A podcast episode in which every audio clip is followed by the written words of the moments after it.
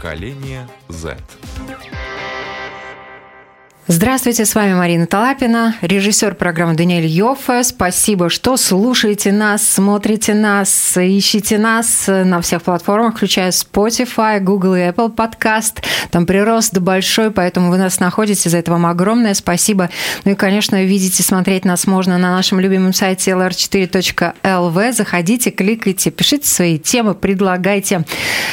И сегодня вот у нас в студии просто чемпион. Просто чемпион европейских соревнований по картингу. И просто третий в мире человек по картингу в своем классе. Да, Давид Трефилов у нас в гостях. Здравствуйте, здравствуйте. Спасибо огромное, что пришел. И я честно восхищаюсь ребятами, которые в свои 18 лет, а ты даже раньше, да, угу. уже достиг таких серьезных высот и при этом сидишь передо мной, достаточно такой скромный человек. Ты скромный человек? Да, довольно скромный. Ну, я надеюсь, что я не вгоню тебя в краску, и ты нам расскажешь, как ты всего добился. Во сколько лет ты начал заниматься спортом, которым ты начал заниматься еще в Латвии? Гонки BMX. На BMX я начал заниматься, по-моему, в первом или во втором классе. Э, занимался я этим два года. Меня тренировал Иву, тренер – нашего чемпиона по BMX. Эм, Мариса Штромбергса. Мариса Штромбергса, да. Эм, два года я позанимался, и потом мы переехали в Германию жить. И там уже в четвертом-пятом классе я начал заниматься картингом. Пожалуйста, поподробнее, потому что, насколько мне известно, ты картингом начал заниматься благодаря своему другу, от которого да. узнал, но привела тебя туда мама. Да, эм, у меня был друг в школе, он занимался картингом, и родители были знакомы, моя мама и его папа были знакомы. Эм, получилось так, что мы вскоре сблизились, и у них купили первый картинг наш. И так я уже попал в более профессиональные гонки, там, где ты ездишь на своих картингах. Эм, вот так все начиналось, да. Но вот вообще, что это такое? Заниматься на картинге? Сколько раз в неделю? Чем ты там занимаешься? Такого, так нет, такого там нету, что заниматься именно в неделю столько и столько раз. Эм, там более, больше как соревнований, и до соревнованиях есть тренировочные дни, где приезжаешь на трассу, можешь подготовиться, настроить Тренировочные все. заезды, так называемые, да? тренировочные заезды. И так ты тренируешься до гонок. Вообще, ты помнишь вот этот момент, когда тебя посадили за картинг, и ты сел и поехал? Как это было? Кто тебя учил? Um, меня никто не учил, это как-то само пришло. Достаточно просто управлять? Uh, вначале я совсем быстро справился, um, понял, как и что. Um, и постепенно начал за эти годы набирать опыта и все лучше и лучше становился. Все круче и круче. Да. Я перевожу на человеческий. Все круче и круче становился. Все угу. сильнее, сильнее, мощнее, мощнее. А вообще вот переезд в Германию, да, это тоже отдельная тема, потому что сейчас э, многие ребята с семьями переезжают или из Латвии в Англию, в Германию, в другие страны, да. Вот ты помнишь, как это было? Давай немножко о тебе поговорим. Нет, не совсем, если честно. Мы обычно переехали, перевезли вещи и начали там жить, как я это помню. Ну, ты грустил о том, что ты переезжаешь, что оставляешь BMX, что друзья здесь остаются? Нет, не совсем. Я быстро нашел новых друзей в Германии, в Берлине. Все было довольно-таки просто. Но тебе пришлось учить язык. Да, мне пришлось учить язык, и из-за этого я тоже остался на второй год во втором классе, потому что мне не хватало знания немецкого языка. Эм, а так-то все было просто. Но сейчас все же проблем с языком нет? Нет, я свободно говорю на немецком. И свободно говоришь, планируешь поступать в высшее учебное заведение? Да, да. да? И какие вообще предметы тебе нравятся? какие сферы нравятся? На, ты уже решил, на кого ты будешь поступать? Эм, еще точно не решил, но больше всего мне нравится физика, математика, что-то в этом. Слушай, ну вот первый картинг. Вообще, как родители подписались на то, чтобы купить тебе картинг? Ты просто сказал, мама, папа, хочу. Мама, папа сказали, ну ладно. Ну, Или да. они тебя спрашивали, может быть, ты не уверен, что ты хочешь, ты точно хочешь? Нет, сомнений, сомнений с э, стороны родителей не было.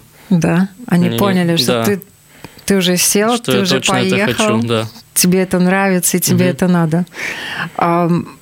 Картинги вообще бывают разные, да, и, может быть, немножко расскажи, чтобы было понятнее, с скольки лет можно этим видом спорта заниматься, и как вот эти классы меняются, как растет угу.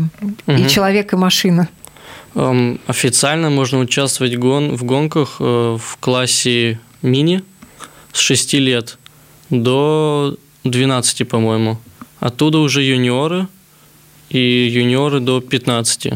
А потом уже идут выше классы, как сеньоры или э, картинг с передачами, 6 передач.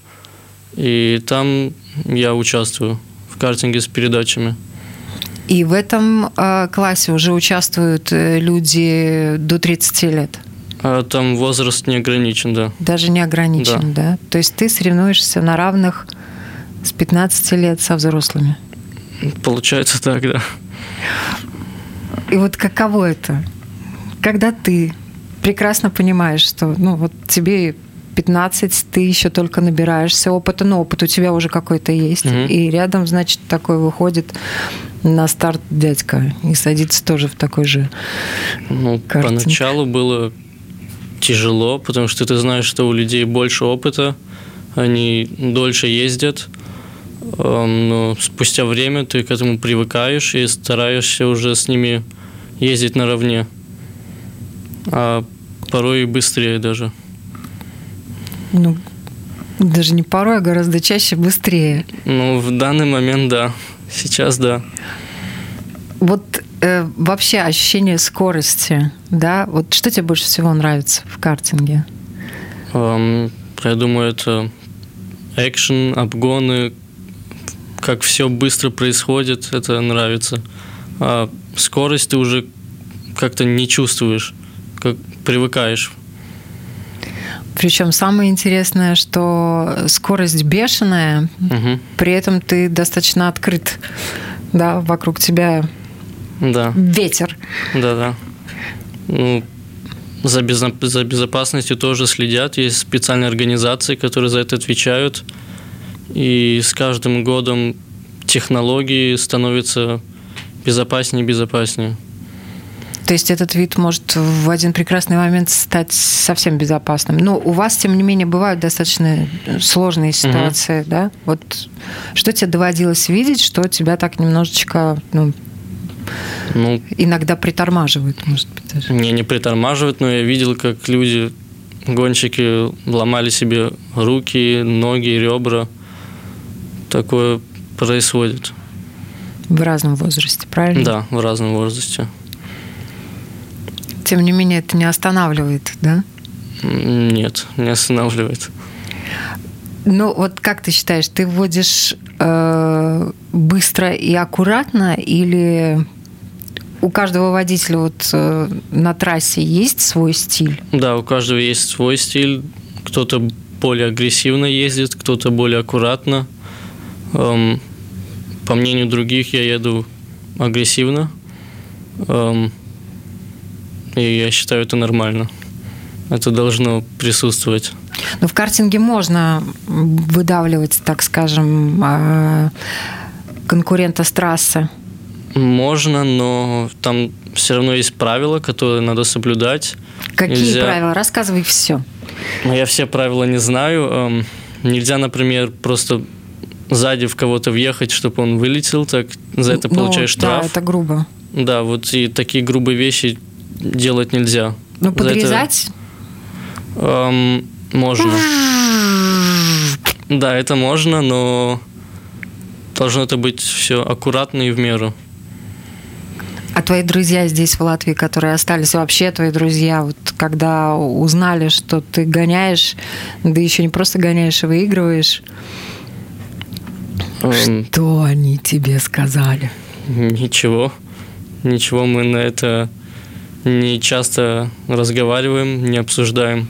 То есть это твоя такая сфера, ну, спортивная. Да, да. Да, такая, ну, в принципе, для даже юного спортсмена это все равно работа, да? Да, потому что я тоже э, у каждой компании, которая производит картинги, есть свои заводы. Эм, там сидят инженеры, менеджеры, и это тоже большая работа, чтобы правильно настроить каждый картинг под каждую трассу. Это тяжело. Ты сейчас уже в команде? Да, я сейчас уже заводской пилот. Эм, это значит, что я еду ну, полностью бесплатно. И это считается довольно круто. Ну, это действительно круто. Ты еще учишься в школе. Да. И уже ездишь как пилот от завода, да? Да. И, но это началось не так давно. А до этого родители до очень этого много родители, вкладывали да. и сил и средств, и времени, угу. и вообще вот сколько у тебя было стартов, и как дорого стоит, может быть, один старт? Вообще есть какое-то представление о тех суммах э, общих? Um, да, за последние годы um, сумма за одну гонку выросла. Все команды начали требовать, требовать больше. Um, раньше одна гонка стоила, смотря какая региональная или чемпионат мира, от 2 до 12 тысяч евро. Одна гонка. Для того, чтобы ты сел и поехал, да, да стартанул? Да. Даже если там вдруг по каким-то причинам дисквалификации, не дисквалификации, тебе надо заплатить от 2 до 12 да. тысяч просто за участие. А это и участие, туда все входит. Картинг, поездка. Но э, к каждой гонке тебя не готовят каждый раз новый картинг? Или готовят? Бывает, что остаюсь на старом, если он хорошо, в хорошей форме, хорошо ездит. А так всегда почти новый получаю. Круто. Сколько картингов ты поменял? А за этот год, думаю, 8-9. Это довольно-таки много. А заездов всего сколько было? В этом году я проехал 15 гонок. 15. Давай, наверное, я думаю, что нас э, смотрят, тебя точно смотрят, и красивые девчонки, которые вообще в этом виде спорта не разбираются, но они, например, захотят за тебя поболеть, да, прийти и поддержать. А вот э, что надо знать простому зрителю о картинге? Что это за соревнование? Ну, это то же самое, если люди смотрят, например, Формулу-1, они же тоже немного что знают, как там это все происходит, какая там логистика.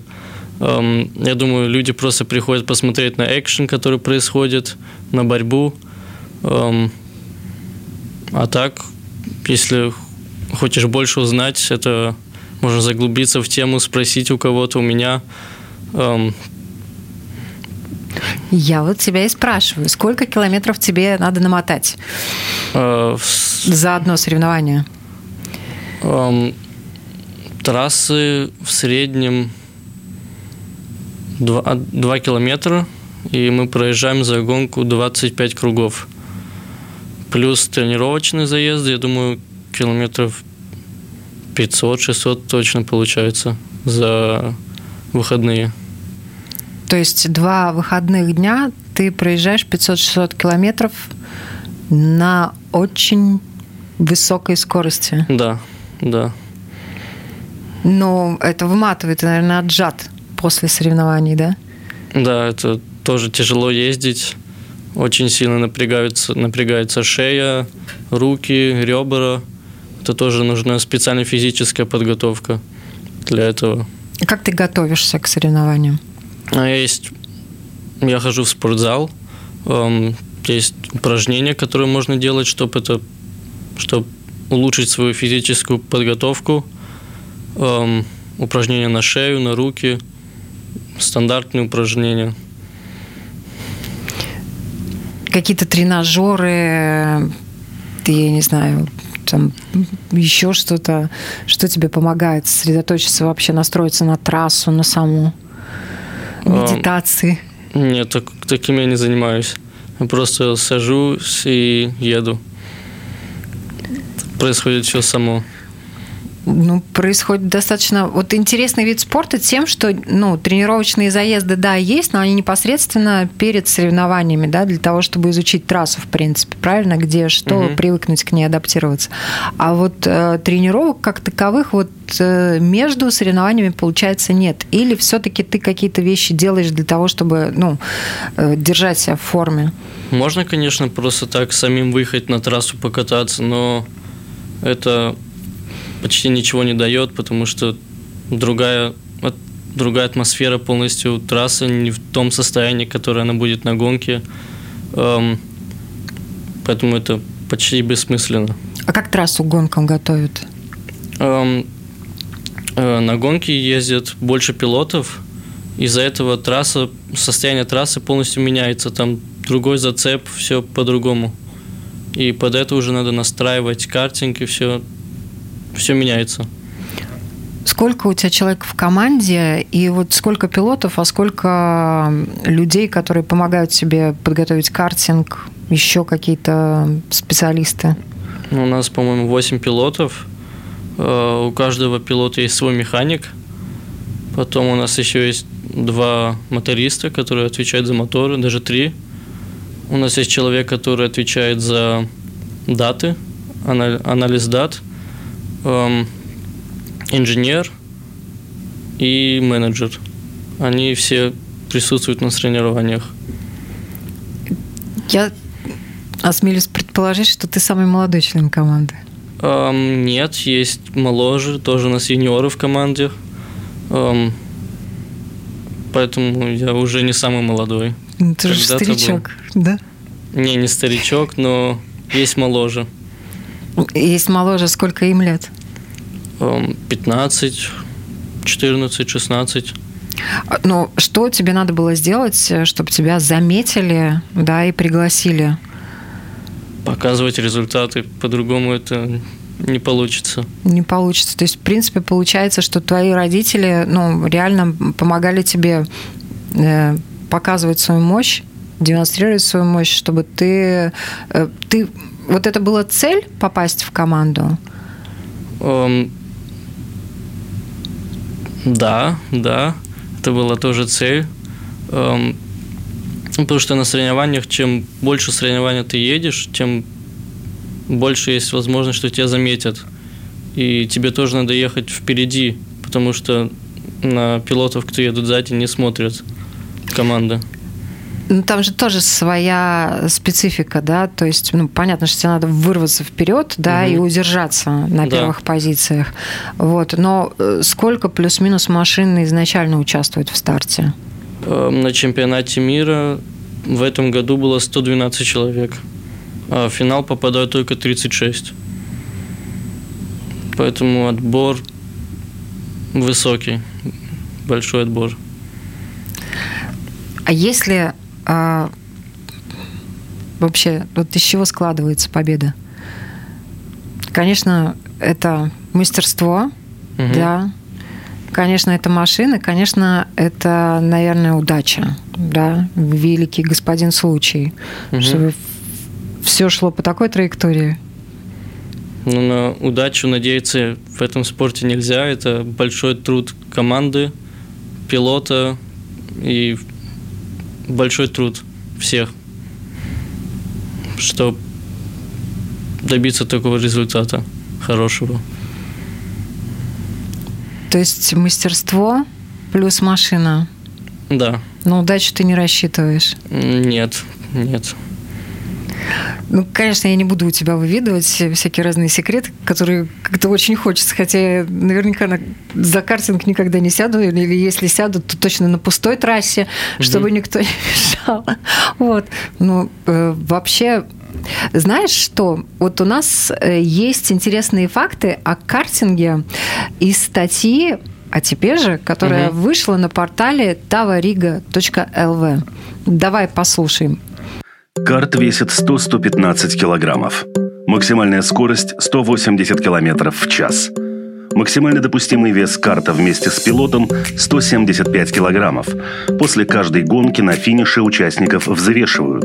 Если весы показывают меньше 175 килограммов, гонщик получает дисквалификацию. Стоимость нового карта 5-6 тысяч евро. Картинговые гонки кольцевые. Длина одного круга около полутора километров. Если участник доходит до финиша, за всю гонку он наматывает по трассе 23 круга, то есть под 40 километров.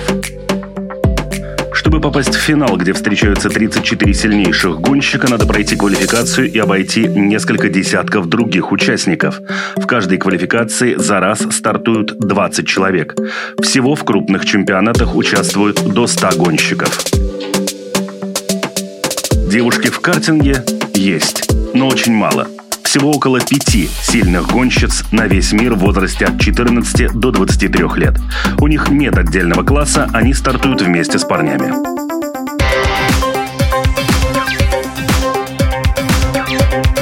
Поколение Z. Вот э, давай разбираться с этими фактами, да? Расскажи нам, э, людям, которые очень хотят знать, но не знают. Угу. Карт весит 100-115 килограммов. Сколько ты весишь? Я вешу 65 килограмм, по-моему. Ты специально там наращивал как-то вот эту вот свою массу для того, чтобы нет, больше 175? Нет. Эм, если получается меньше с картом вес, эм, надо добавлять свинца. Это прикрепляется на сиденье. Эм, много кто это делает, я тоже. У меня, по-моему, 4-3 килограмма висят угу. свинца. Для того, чтобы быть стабильней? Нет, для того, чтобы пройти по весу. Угу. И да, вот так вот. То есть вес у тебя еще на той э, границе, когда 175 плюс, но может быть и минус, да, чтобы вот э, после, после заезда, если я правильно поняла, угу. пилот вес теряет. Да. Да? От двух до трех килограмм, по-моему.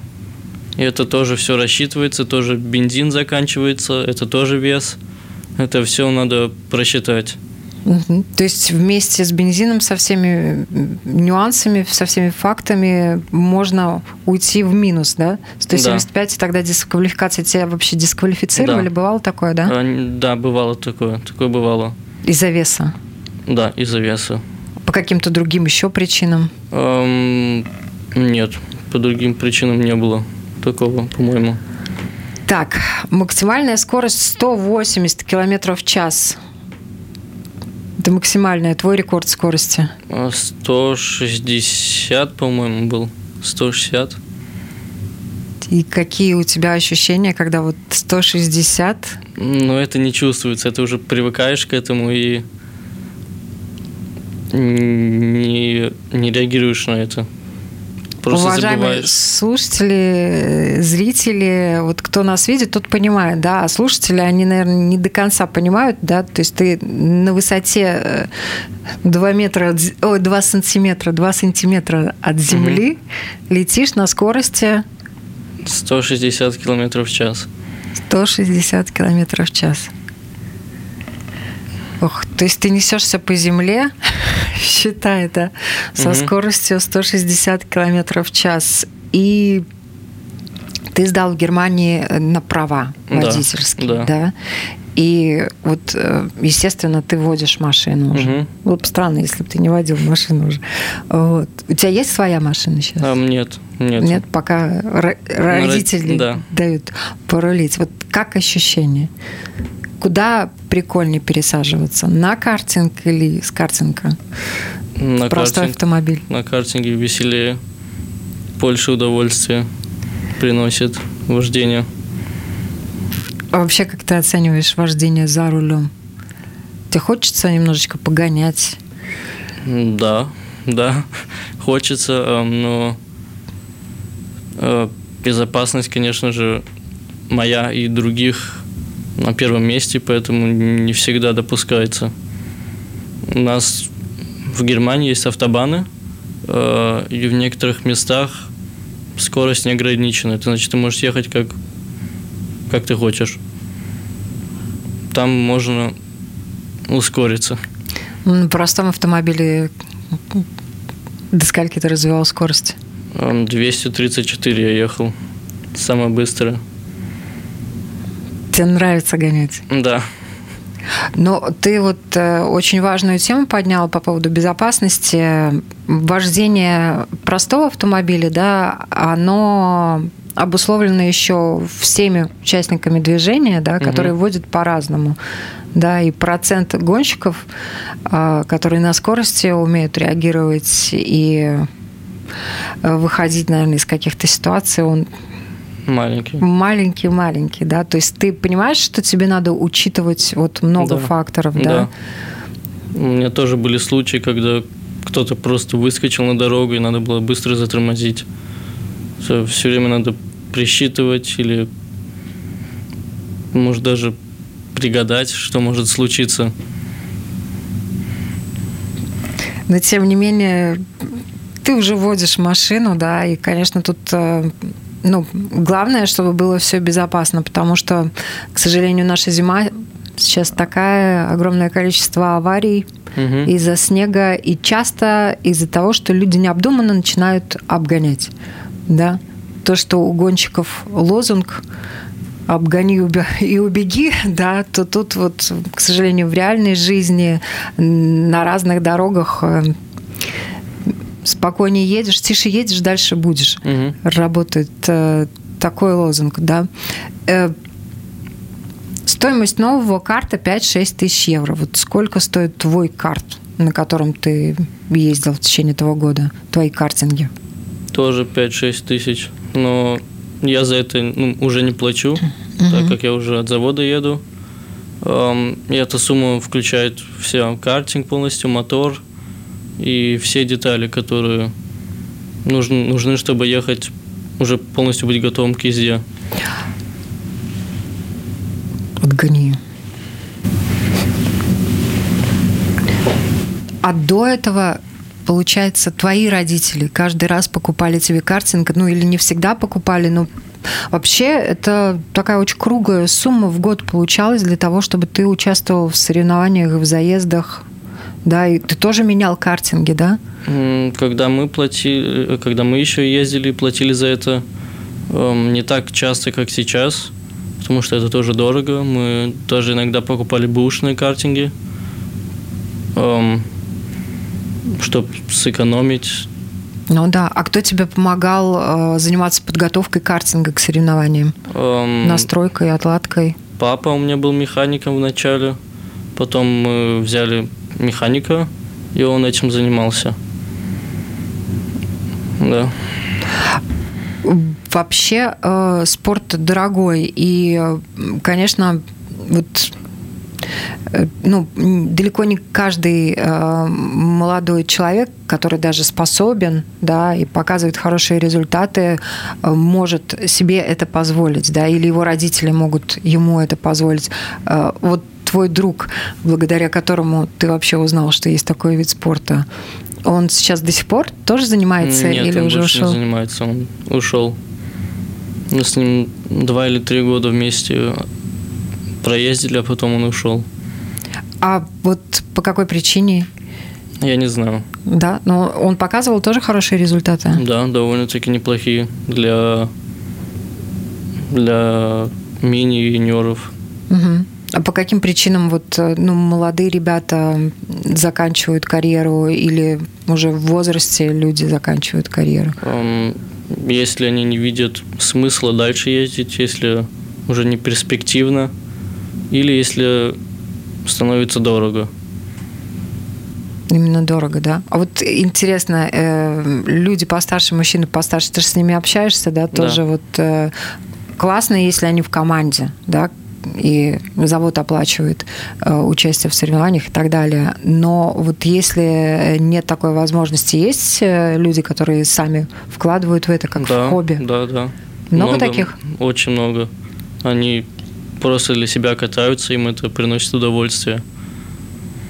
В каких-то странах благодаря картингу побывал? Эм, очень часто я был в Италии, э, в Испании – в Бельгии, Голландии, в Швеции. Эм, по-моему, в этих странах. По Европе, да, в основном? Да, по Европе в основном. А хотел бы съездить, да, погонять на другие бы. материки? Да. Э, в следующем году тоже запланирована гонка в Лас-Вегасе в конце года и я надеюсь, я туда поеду. От чего это зависит? Эм, от моих результатов в следующем году и от финансового положения команды. Потому что эта гонка получается еще дороже, потому что надо перегнать все в Лас-Вегас, и это тоже стоит денег. Как твоя команда называется? Мы говорим о твоей команде, ни разу не назвали. Mm-hmm. SRP Racing Team. Это немецкая команда? Это немецкая команда. И сколько лет ты немножко знаешь об ее истории? А, в 2006 году, по-моему, она была создана моим шефом, да. Слушай, ну вообще в Германии, конечно, очень много крутых э, гонщиков. Mm. У тебя есть кумиры? Um, только один, я думаю. Это Макс Верстаппен, он на формуле сейчас ездит. Он тоже раньше занимался в картинге, тоже становился чемпионом мира. Эм, только он. На сегодняшний день твой идол. Да. да. Ты следишь за ним, желаешь ему удачи угу. и хочешь быть похожим на него. Да. да. Круто. А чем он тебя взял? Гонщиков а, уже э, реально много. Тоже его стиль езды мне очень нравится. Эм, и все, только это. А вот э, Мик Шумахер верит, что унаследовал что-то от отца. Да, ну, старшего Шумахера знают все. Угу. Даже те, кто ничего не понимает в формуле. Да. А, вот ты в кого такой быстрый, ловкий? смелый, красивый, умный? Я не знаю. Я не знаю, в кого я такой быстрый. Твои родители, папа не занимался? Нет, никто, абсолютно никто. Я первый в семье, кто этим занимается. Вот э, ты бы хотел своего ребенка когда-нибудь отдать тоже в картинг? Эм, только если бы у него будет талант и способность к этому, тогда да. А как ты это определишь? Дам ему покататься пару раз, и это, я думаю, будет сразу понятно, способен ли ребенок или нет. Захочет он или нет. Угу. Слушай, вот я в начале программы тоже сказала, и ты подтвердил, что тебя мама отвела на этот вид спорта. Как мама вообще? Ты гоняешь на такой огромной скорости. Понятно, что она поддерживает тебя. Mm -hmm. раз она тебя туда отвела. Но вот, вот они же переживают, волнуются. Да, такое тоже есть. И я думаю, каждый родитель волнуется за своего ребенка в картинге. Эм, это, я думаю, часть этого спорта. Какие у тебя защиты? Ты же одеваешь на себя по максимуму, да, чтобы эм, защитить себя. Шлем и защита для ребер. И все. Вот э, в аварии, да, там у тебя бывали вообще аварии, естественно. Да. Такое количество заездов. Да, а серьезные, самые серьезные аварии. А вот таких серьезных аварий у меня не было. Слава богу. Да, слава богу. Эм, а так только если какой-то маленький ушиб, дальше не заходило Ну, действительно, слава богу, потому что я думаю, что если заезд 20 машин, и все стартуют, и все хотят, э, естественно, победить, у каждого своя стратегия, как он вылетит mm-hmm. вперед и как он будет условно расталкивать своих конкурентов. У тебя, естественно, тоже своя какая-то схема э, есть. У тебя много разных вариантов, как ты будешь, например, стартовать и как бы ты хотел финишировать? Э, финишировать хочется всегда первым. Чтобы никто не мешал, конечно. Да. Стратегия, только если есть пилоты, они, если едут, например, вторыми, они ждут до конца, чтобы обогнать первым. Я никогда не ждал, я сразу обгонял, и я думаю, это лучшая стратегия. Быть первым и все, да? да? Не ждать. Угу. Улучшать момент. А вот э, есть какие-то финиши? Я понимаю, что за такое количество лет, уже 10 лет, получается, занимаешься, да? Угу. Практически. Э, вот какой-то старт, какой-то финиш, который ты будешь помнить всегда? Я думаю, это второй этап чемпионата Европы в Бельгии. Эм, получилось так, что я э, за презаезды до финала э, квалифицировался первым финал и стартовал первый в финале. И со старта я лидировал всю гонку и выиграл ее. Я думаю, именно этот момент. Первый? Да. От начала до конца? Да. Вот это круто, конечно. А о чем ты мечтаешь?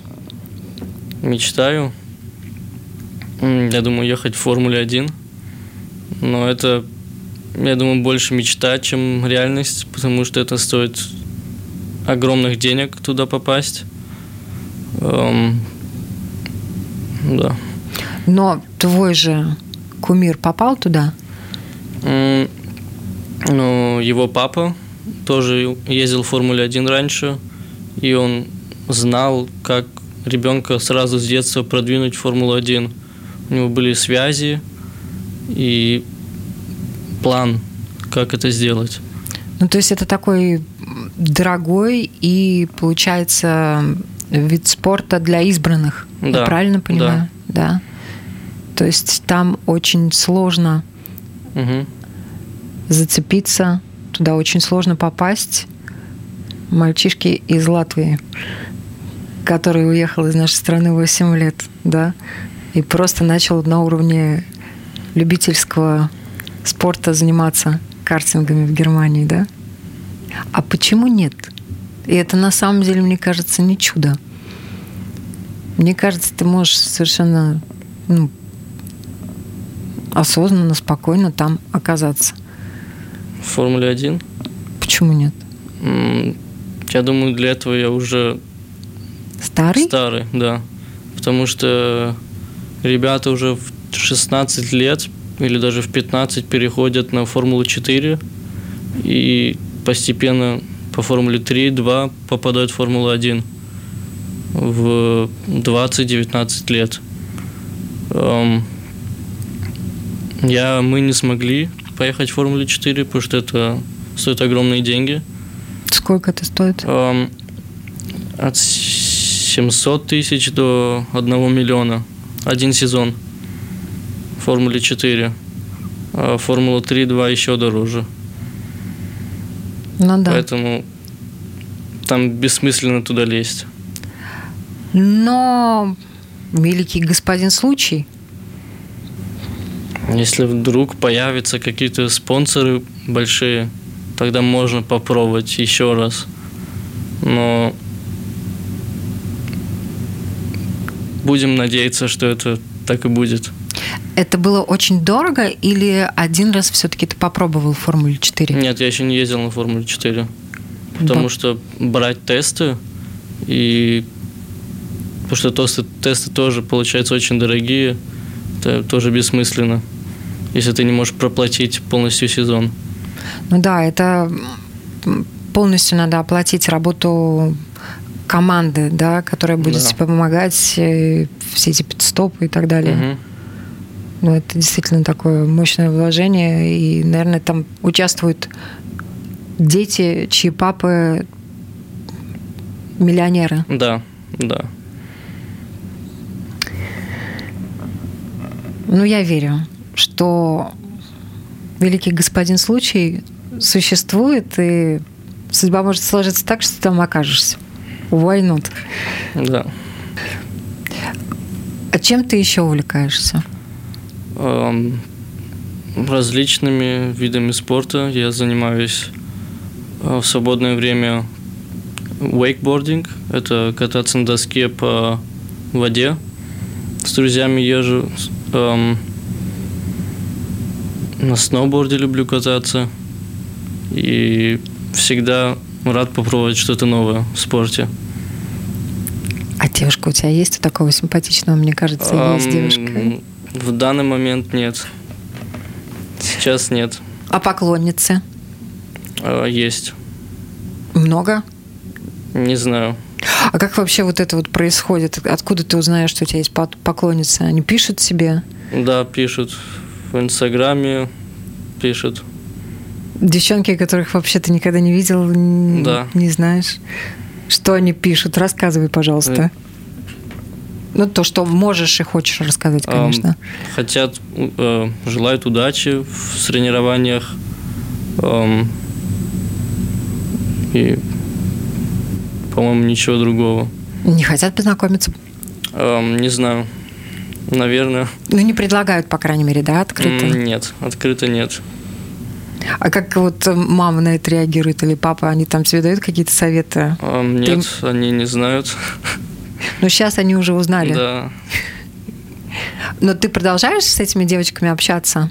Um... Поклонницами? Пишешь им там спасибо? Да, да, отвечаю. Всегда отвечаю. Всем. Круто. У тебя появилась еще одна поклонница. Вот, и я рада и желаю тебе много, много людей, чтобы тебя поддерживало в твоем начинании, вообще во всех твоих стартах. Потому что, мне кажется, это тоже придает силы. Да. Да? Твои родители вообще, вот как они, что они э, тебе говорят по поводу твоего участия в картинге? Um, ничего, они просто меня поддерживают всегда, эм, помогают в чем могут, и все. Но при этом, э, ну, ты им тоже уже помогаешь. Ты помогаешь отцу. Да. Да. Рассказывай. Эм, я помогаю, где могу. Эм, фирмы бывает такое, что я помогаю. Эм, на работе помогаю переводить, составлять даже какие-то документы. Помогаю, где могу, да. То есть ты уже по максимуму тоже вкладываешься, помогаешь родителям так же, как они тебе помогали, да. как они вкладывались в твое увлечение. И вот как ты уже в начале программы тоже сказала, ты собираешься пойти и получать специальность совершенно земную, да, угу. нормальную, которая будет приносить тебе деньги, да, но я думаю, что увлечение картингами, оно, наверное, на всю жизнь, да? Я думаю, да. Оно останется на всю жизнь. Это круто. Я желаю, чтобы твои мечты сбывались, чтобы э, все складывалось э, так, как ты хочешь. А чего ты себе сам желаешь? Здоровья.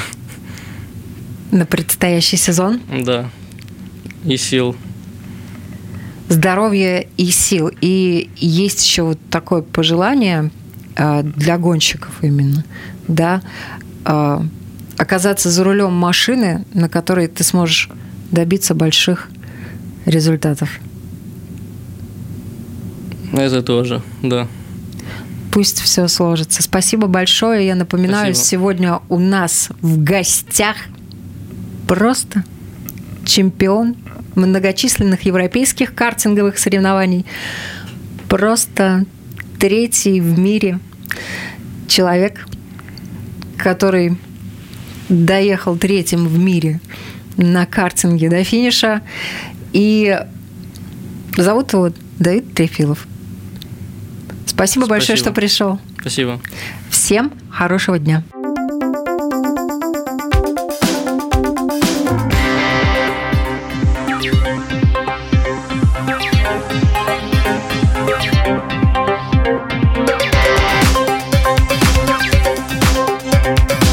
Поколение Z.